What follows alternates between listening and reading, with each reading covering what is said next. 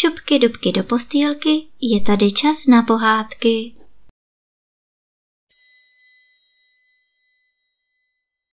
Dnes vám budu vyprávět pohádku a bylo těch otázek patero.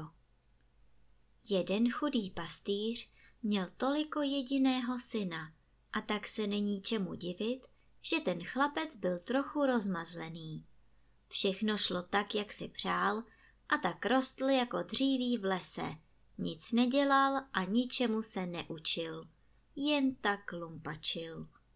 Když mu bylo dvanáct let, začal se mu osamělý život v horách zajídat a tak rodičům řekl. Půjdu žebrat, zaopatřím si tak svůj denní chléb a ještě se přitom porozhlédnu po světě. Co si měli staří počít? Museli ho nechat jít a on se při tom vandrování prožebral až do jednoho velkého města. Tam si sednul před dveře bohatého kupce. Z mošny vytáhnul kus chleba a zakousnul se do něj s takovou chutí, jako by mu patřilo celé město a on seděl u té nejlepší pečeně na světě. A v tom přicházel ten kupec domů a chlapec se mu tak zalíbil, že ho vzal k sobě a poslal do školy. To učení šlo pastýřskému synkovi velmi k duhu. Byl ve všem vždy první. Když vychodil školu, musel se také naučit kupeckému řemeslu a také v tomto dělal takové pokroky, že jeho pěstoun si ho nemohl dosti vynachválit. Potud bylo vše v pořádku, ale kupci se vůbec nezamlouvalo, že se jeho schovanec, ze kterého mezitím vyrostl krásný jinoch, má k jeho dceři a bál se, že by se ti dva mohli jednoho dne sobě zaslíbit. Tak se nakonec rozhodl, že ho pošle pryč, aby viděl kus světa, neboť si myslel, že tak lehce jeden na druhého zapomenou. Jinoch se velmi zaradoval, že se může vydat do světa, ale dříve než odcestoval, šel tajně za dívkou a řekl, ty jsi moje a já jsem tvůj, nikdy se neopustíme. Tu mu i ona slíbila zachovat věrnost, darovala mu krásný prsten a pak se v slzách rozloučili. Jinoch putoval světem, až dorazil k moři, kde si najal loď a plavil se přes moře do jednoho velkého království, které leželo na ostrově. Když dorazil do hlavního města, Předvedli ho před krále, který se ho ptal, odkud pochází a co hledá. Chodím světem a hledám své štěstí, odvětil Jinoch. Kdybys tak dokázal najít i to moje, řekl král smutně. Co pak by to mělo být? Zeptal se Jinoch a král odvětil. Moje štěstí je strom, který nesl zlaté ovoce ale teď nenese žádné. Kdybys mi zařídil, aby ten strom opět plodil, dal bych ti ze své pokladnice celý vůz zlata. Jinoch slíbil, že se bude snažit, seč bude moci, a protože viděl, že na tomto ostrově svoje štěstí nenajde, opět nasedl na svoji loď a vydal se na moře. Za šest dnů a šest nocí plavby dorazil k jiné zemi. Vystoupil a putoval do hlavního města. Když ukázal u městských bran svůj pas, zavedli ho stráže rovnou ke králi, který seděl ponořen v hlubokém zármutku. Kam pak cestuješ? zeptal se král. Chodím světem a hledám své štěstí, odvětil Jinoch. Kdybys tak dokázal najít i to moje, řekl mu král. A co pak to má být? zeptal se Jinoch. Král odvětil. Moje štěstí je pramen, ze kterého dříve příštěly zlaté perly, ale nyní je vyschlý. Když dokážeš, aby opět příštil, potom ti dám z mé pokladnice celý vůz zlata. Jinoch slíbil, že proto udělá vše, co bude moci a táhnul dál, neboť viděl, že ani tady mu štěstí také nepokvete. Dva měsíce tou zemí putoval, pak opět přišel k moři, nalodil se a ještě dva měsíce plul, až s lodí přirazil k břehům velkého ostrova. Vystoupil na břeh a šel do hlavního města, které bylo potaženo černým suknem.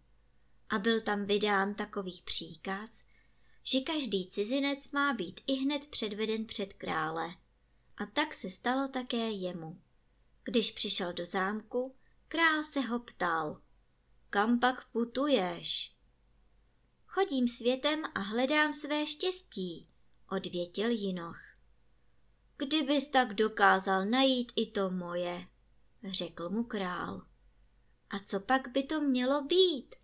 Zeptal se Jinoch a král odvětil.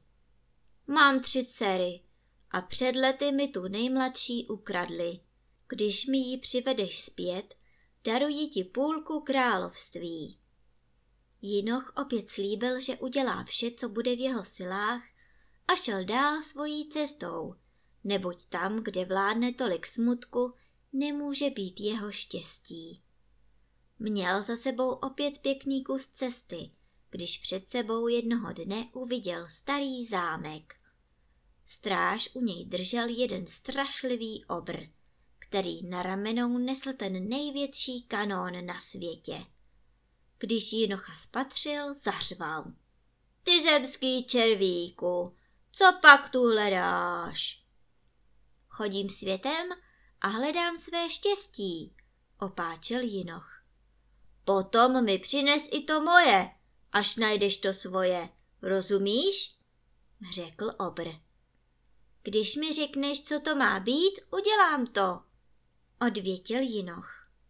Stojím tu na stráži už tisíc let a zajímalo by mě, kdy budu z této služby vysvobozen, řekl obr. Dobrá, poptám se, řekl Jinoch a táhnul dál. Stále dál, dokud nepřišel k jedné široké řece. Tam seděla v loďce jedna prastará žena, která se ho ptala, zda chce převést. Ano, to bych rád, odpověděl Jinoch. Kam pak jdeš? Ptala se ho stařena a on jí odvětil. Chodím světem a hledám své štěstí. Potom mi přines i to moje, až najdeš to svoje, řekla žena.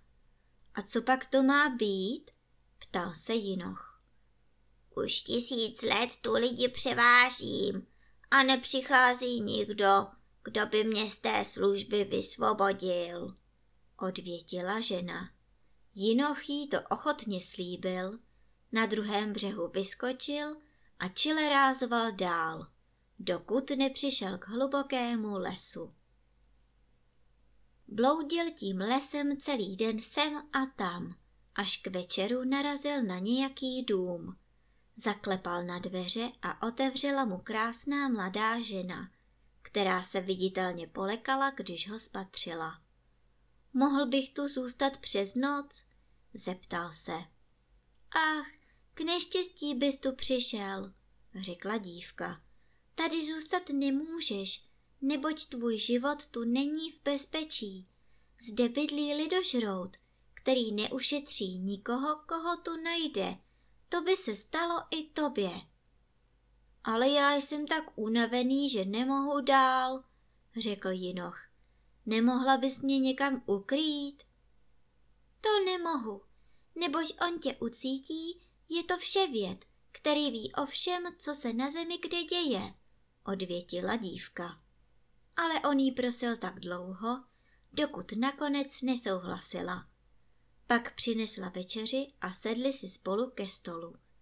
Zatímco seděli, Vyprávěl jí o své pouti a o těch pěti, kterým slíbil přinést jejich štěstí, od čehož povstane jeho vlastní štěstí, neboť by dostal od králů spoustu zlata a potom by byl zajištěn na celý život. Ta žena byla dobrého srdce a slíbila mu, že to u lidožrouta vyzví, neboť on ví o všem na světě. Najednou to v lese zapraštělo a zahučelo, jako by padaly stromy. Přichází, zvolala dívka a hoch si rychle vlezl pod postel. Sotva tam zalezl, už se rozletěly dveře a dovnitř vstoupil lidožrout. Cítím tu člověčinu, koho pak tu máš? Ach ty hlupáku, ty si na mne nikdy nepřivykneš. Doma máš mě a tady stojí tvoje jídlo, nechej si chutnat, řekla dívka. Obrý chtěl něco odvětit a měl dokonce nutkání sehnout se a podívat se pod postel, ale žena ho vtlačila do židle a do úst mu strčila plnou lžíci jídla. Když ho nadspala tak, že se stěží mohl hýbat, popadla ho za krk a zvolala. Nyní hybaj do postele, já tě tam neodtáhnu. Už se víc necpi, sic tu usneš za stolem. Vše věc se pomalu schopil a odpotácel se k posteli, kde sebou plácnul a netrvalo to ani dvě minuty a oddychoval jako foukací měch. A brzy k tomu chrápal tak, že to bylo slyšet daleko v lese. Tu ta krásná žena zvolala. Nyní dávej dobrý pozor, co bude říkat, až se ho budu ptát. Položila se k lidožroutovi a prudce do něj strčila. Ten se probudil a mrzutě zabručel. Co pak tě to popadlo, ty hlupačko? A ona odvětila. Ale zdálo se mi, že jeden král měl strom se zlatým ovocem, ale teď nenese a já nevím proč. Já to vím, zavrčel lidožrout. Jedna z princezniných komorných tajně porodila dítě. Pak ho zabila a pohřbila do kořenů toho stromu. Nevinně prolitá krev volá po pomstě a strom nenese zlaté ovoce. Ale když ostatky dítěte vyzvednou a tu vražetkyni potrestají, bude ten strom rodit ještě víc než dřív. Potom, co toto vypověděl, obrátil se obr na druhou stranu a opět usnul. Ale za nějakou chvíli mu žena opět uštědřila ránu do žeber, takže se probudil a zavrčel. Co zase chceš? Zdálo se mi, řekla dívka, že jeden král má studnu, ze které příštily zlaté perly, ale pramen vyschnul. Jak se tohle mohlo přihodit? To je prosté, zavrčel lidožrout. Dole ve studni na prameni sedí velká ropucha. Když ji vynesou, bude pramen příštit ještě bohatěji než dřív, ale nyní mě nech spát. A lehl si na stranu a usnul. Ale ještě nezachrápal mnohou notu a tu mu žena dala takovou jednu za uši, že ho to zvedlo do výše a zařval. Ty se úplně zbláznila, nebo co ti chybí? Dnešní noc se mi zdají samé těžké sny, řekla dívka. Zdálo se mi, že jeden král měl tři dcery, ze kterých mu jednu ukradli a žádný člověk neví, kde zůstává. To ty musíš každopádně vědět. To také vím, odvětil a přátelsky se na ní zazubil. Ta princezna jsi ty sama a já tě uloupil, ale teď ti dobře radím, nech mě spát. Skrze tuto odpověď se té krásné ženě najednou vrátily vzpomínky. Viděla se v nádherném paláci svého otce. Vzpomněla si na své milé a hodné sestry, na svoji matku, která ji hýčkala a rozmazlovala a všecičko opět viděla před sebou. Tu na ní padl obrovský stesk po domově a přála si z celého srdce.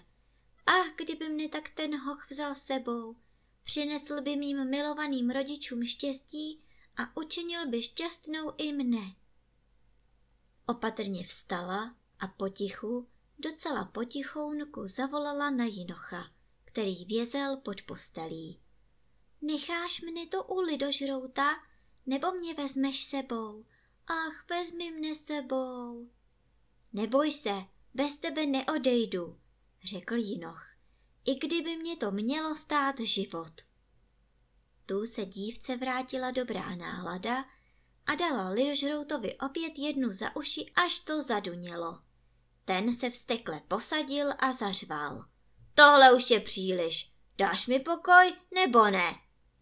Ach, je takové horko, myslím, že mám horečku, řekla dívka, neboť ještě nikdy jsem tolik nesněla. Co pak se ti zase zdálo? Vyštěknul obr a ona odvětila. Zdálo se mi o jednom obrovi, který už tisíc let stojí na stráži s těžkým kanónem na zádech a neví, kdy bude vysvobozen. Ach, ten hlupák, zabručel lidožrout a opět se položil. Proč ten kanón nepředá tomu prvnímu, který bude mít okolo cestu? Pak by byl vysvobozen. Ale teď mě nech s tvými sny na pokoji, nebo pocítíš, že se mnou nejsou žádné žerty. A za malou chvíli chrápal tak, že se dům otřásal. Ale zůstala ještě jedna otázka. A tak se dívka odvážila ještě jednou vyzkoušet svoje štěstí a naposledy vše věda plácla tak, až to zadunělo. V tom samém okamžiku se ten netvor vstyčil, vstekle vycenil zuby a hnal se po ní.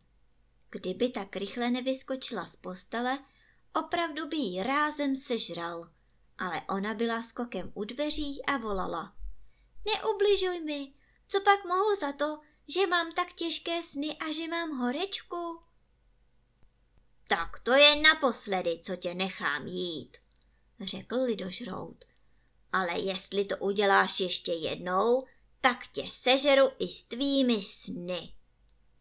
Už se mi určitě nebude nic zdát, jen se uklidni, řekla dívka. Zdálo se mi, že jedna stařena už tisíc let jezdí v loďce a přiváží lidi přes řeku a neví, kdy bude vysvobozena. Ty to určitě víš. Ach, ta hlupačka, když předá svoje veslo tomu prvnímu, kterého bude převážet, a pak vyskočí na břeh, bude vysvobozena. Ale dej si pozor a neruš mě v mém nočním spánku, jinak opatřím věčný klid tobě i sobě. Nyní budeš už spokojený, starý blázne, řekla žena a výskala ho ve vlasech. Vše věc spokojeně vrněl a za chvíli opět usnul a udatně chrápal jako prvé. Dívka potichu vstala a Jinoch vylezl spod postele. Opatrně otevřeli dveře a utíkali tak rychle, jak jen mohli. A dříve, než se rozednilo, stáli na břehu řeky. Ta stařena volala na Jinocha už z dálky. Hochu, máš moje štěstí? Mám, převez nás co nejrychleji na druhou stranu a tam ti ho řeknu. V mžiku byli na druhé straně řeky, oba vyskočili na břeh a Jinoch řekl.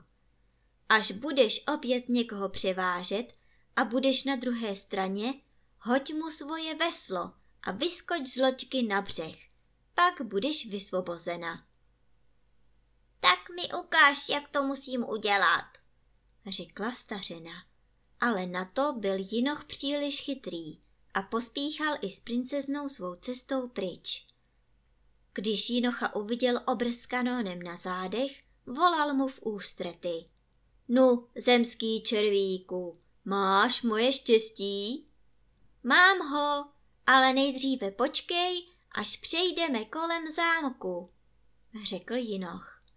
Na druhé straně mu pak vypověděl jeho štěstí a ten obr se radoval a ze srdce mu poděkoval. V království, kam nyní přišli, si najali krásný kočár, ozdobili ho ratolestmi a Jinoch řekl každému, vedu králi ztracenou dceru. Tu se všechen lid rozběhl za kočárem a jásot nebral konce. V hlavním městě ale zavládlo teprve to pravé pozdvižení. Král, královna a princezny byli bez sebe radostí a tři měsíce slavnost stíhala slavnost, jedna nádhernější než druhá. Tu se však Hochovi zachtělo domů a tak král nechal předvést šest misků naložených zlatem a řekl. Nyní si vyber, měl bys raději šest nákladů zlata nebo mojí dceru za ženu. Milý králi, kdybych nebyl už zaslíben jiné, potom bych si zvolil jednu z krásných princezen za ženu, ale nemohu a nesmím porušit slib věrnosti, neboť by to byl velký hřích. Proto volím těch šest mesků se zlatem, odvětil Jinoch. Jak si přeješ, řekl král a druhého dne se s nimi Jinoch rozloučil a plavil se po moři do dalšího království. Jinoch šel rovnou cestou do královského města a do královského zámku a nechal se ohlásit u krále. Král byl velmi potěšen, že ho opět vidí a i hned se ptal. Máš moje štěstí?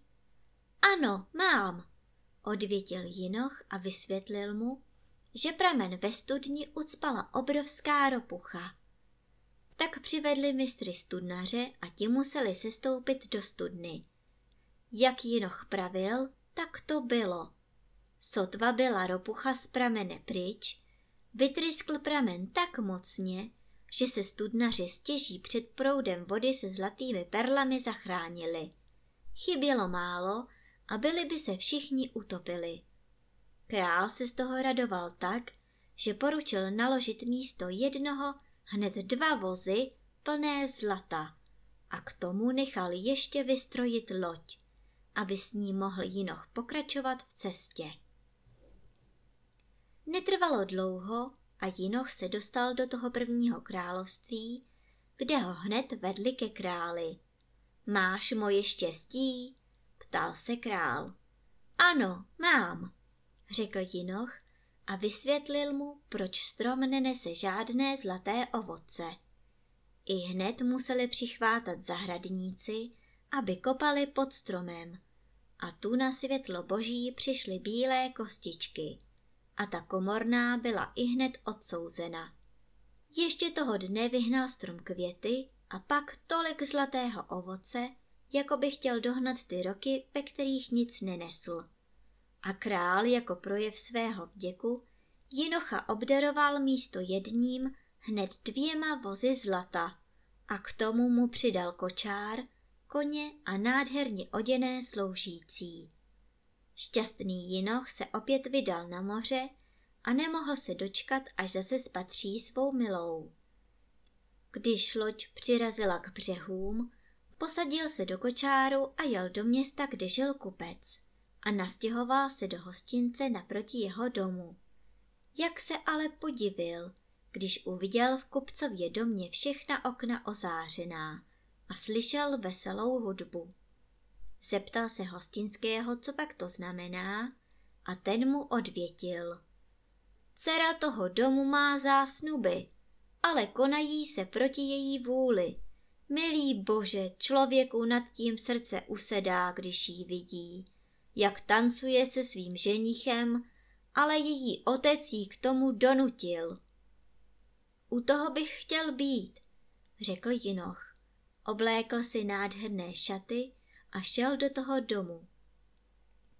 Ale uplynulo už mnoho let, takže se tolik změnil, že ho nikdo nepoznal, dokonce ani nevěsta. Kdo by si to také byl pomyslel, že ten pišný pán by mohl být on.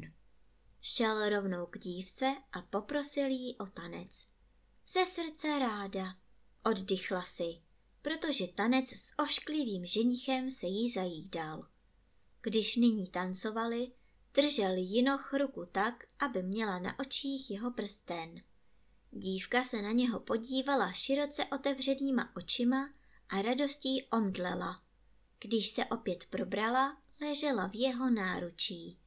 Do komnaty vešli její otec a matka a také ten ženich. A všichni byli nemálo překvapeni, když viděli, jak se má k tomu cizímu vznešenému pánovi.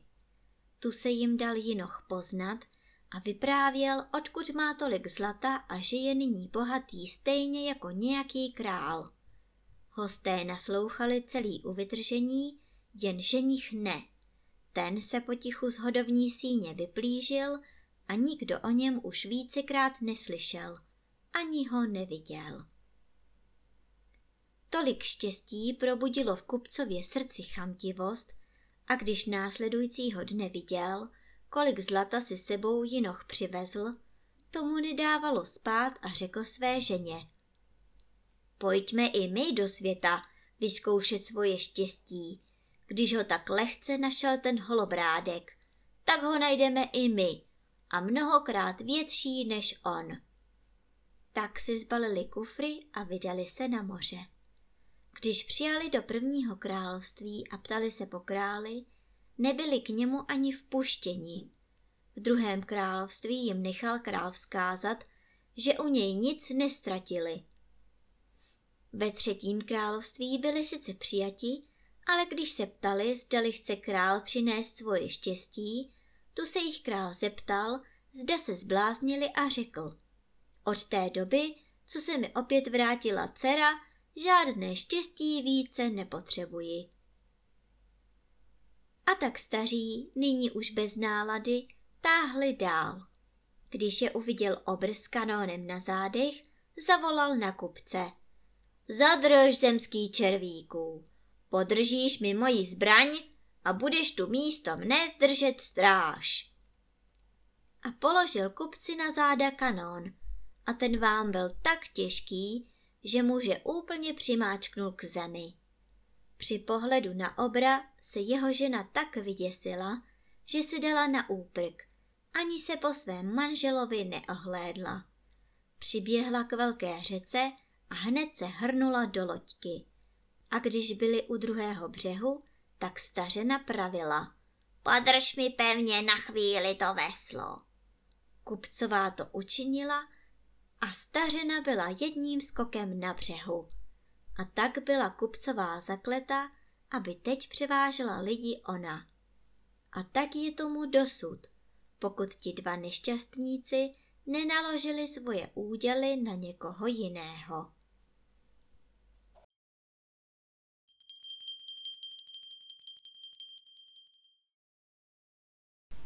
A teď už zavřete očička a krásně se vyspinkejte.